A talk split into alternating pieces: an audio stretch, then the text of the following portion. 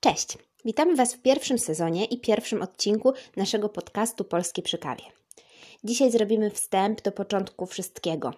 Od czego to się wszystko zaczęło? A zaczęło się oczywiście od starych czasów, a więc od starożytności.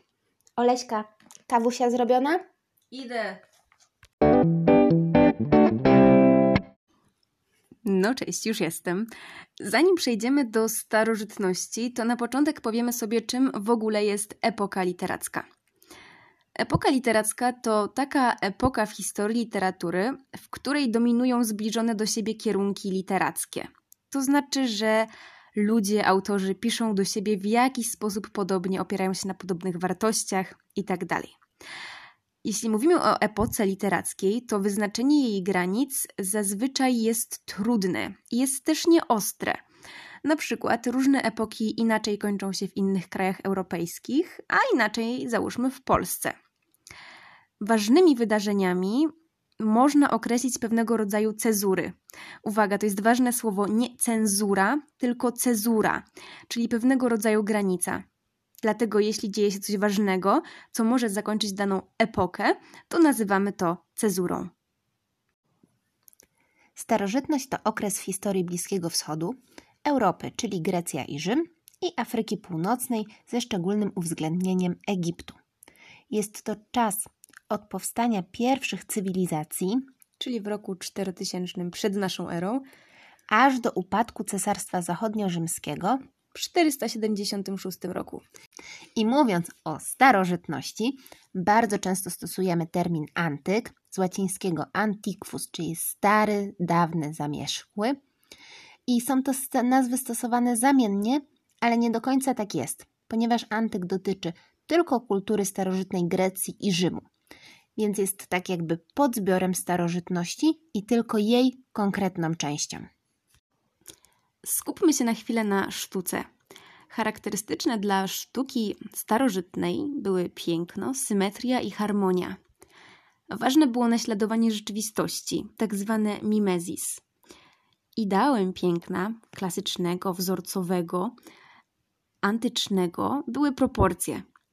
W rzeźbach przedstawiano głównie bogów, sportowców i herosów, bohaterów. Przykłady: Wenus z Milo. To ta słynna pani bez połowy ręki. Dyskobol. To zawodnik, który rzucał dyskiem, czyli takim okrągłym talerzem na zawodach olimpijskich. Czy Dawid. Słynny golas, który walczył z Goliatem. W architekturze równie ważną rolę pełniła symetria. Przykładami były świątynie, rotundy, amfiteatry, łuki triumfalne. Charakteryzowało je to, że były wielkie, potężne. Przykłady: Partenon, czyli świątynia ku czci bogini Ateny w Grecji, w Atenach. Panteon we Włoszech, w Rzymie, świątynia ku czci wszystkich bogów. Jak to zapamiętać, żeby nie pomylić tych dwóch nazw? W nazwie Partenon i Grecja znajduje się litera R, a Pantenon Włochy nie ma tej litery, więc wystarczy tylko zapamiętać. Prawda. A jak już jesteśmy we Włoszech i w Rzymie, to warto wspomnieć o Koloseum, czyli miejscu walk gladiatorów. Z literatury starożytności wywodzi się epika, liryka i dramat. Trzy rodzaje literackie, ale o nich szczegółowo w kolejnych odcinkach. Najważniejsi pisarze tej epoki to Homer, Wergiliusz, Horacy, Safona i Sofokles.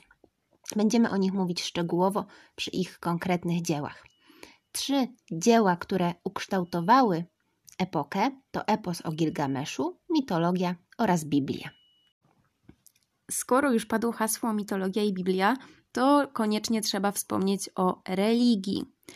W starożytności panowało jednobóstwo albo wielobóstwo, czyli monoteizm, wiara w jednego Boga, co będzie charakterystyczne dla Biblii, oraz politeizm, czyli wielobóstwo.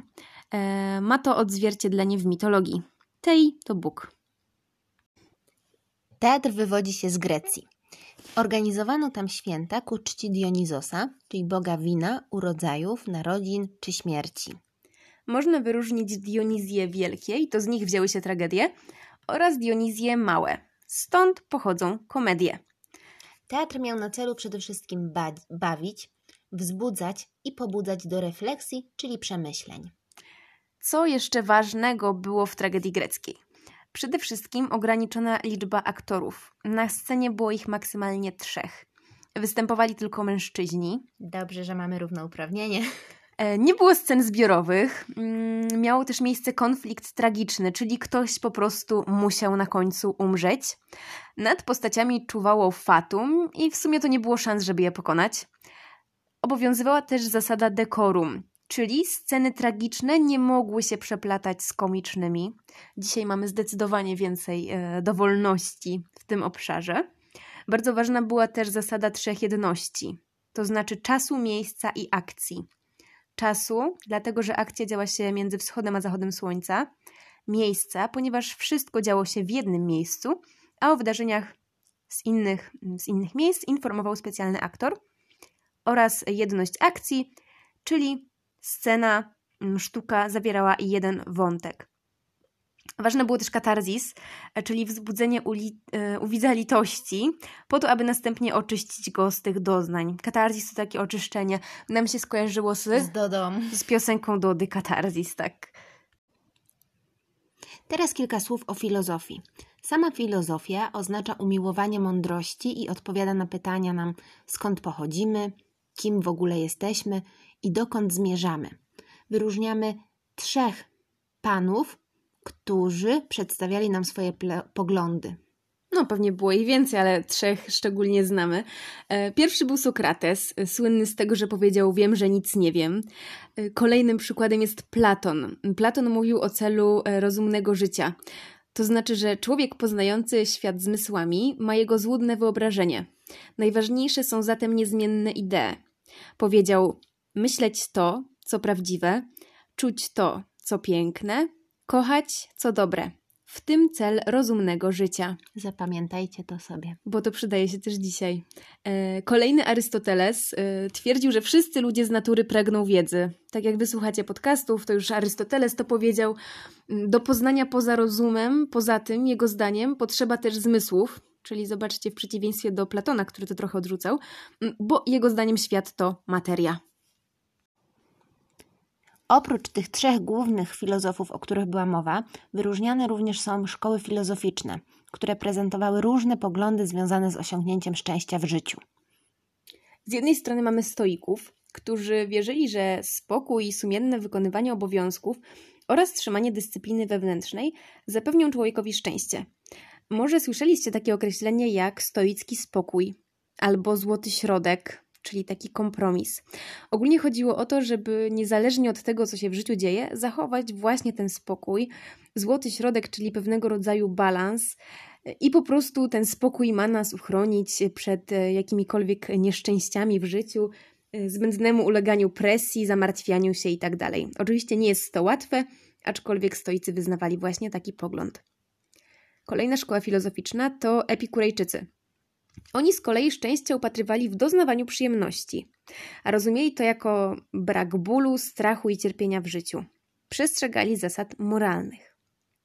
Z kolei dla cyników prawdziwym celem życia była cnota. Cynicy, cnota, można to jakoś połączyć. I tutaj warto wyjaśnić, że cnota to postawa moralna, a Platon wyróżnił cztery takie cnoty: mądrość, męstwo, umiarkowanie i sprawiedliwość. Ogólnie chodziło o to, że wszystko dla człowieka powinno być obojętne, poza tymi cnotami, a poza tym cynicy nauczali moralności plebejuszy, czyli najbiedniejszych mm, mieszkańców. E, ostatnia szkoła, którą chcielibyśmy tutaj zaprezentować, to sceptycy. Mm, to była taka szkoła wątpienia. Chodziło o to, że według nich prawda jest niedostępna człowiekowi. E, człowiek ma ograniczone możliwości poznawcze, więc na dobrą sprawę, niezależnie od tego, co byśmy robili, i tak w pełni prawdy nigdy nie poznamy. Za co powinniśmy dziękować czasom starożytnym? Chociażby za Igrzyska Olimpijskie. Mm, które wymyślili Grecy. Pierwsze odbyły się w Olimpii w VIII wieku przed naszą erą. Przed naszą erą. To po prostu bardzo, bardzo dawno i zobaczcie, że igrzyska trwają do dzisiaj. Mm, demokracja. Dzięki demokracji obywatele sprawują rządy albo bezpośrednio, albo za pomocą wybranych przez siebie przedstawicieli. Wy też możecie na przykład kandydować w wyborach do samorządu szkolnego. A oprócz tego prawo, które powstało w starożytnym Rzymie, i to właśnie Rzymianie podzielili prawo na różne dziedziny, a co ciekawe, niektóre wprowadzone terminy obowiązują do dziś, jak na przykład adwokat czy sędzia. Dzisiaj to by było na tyle.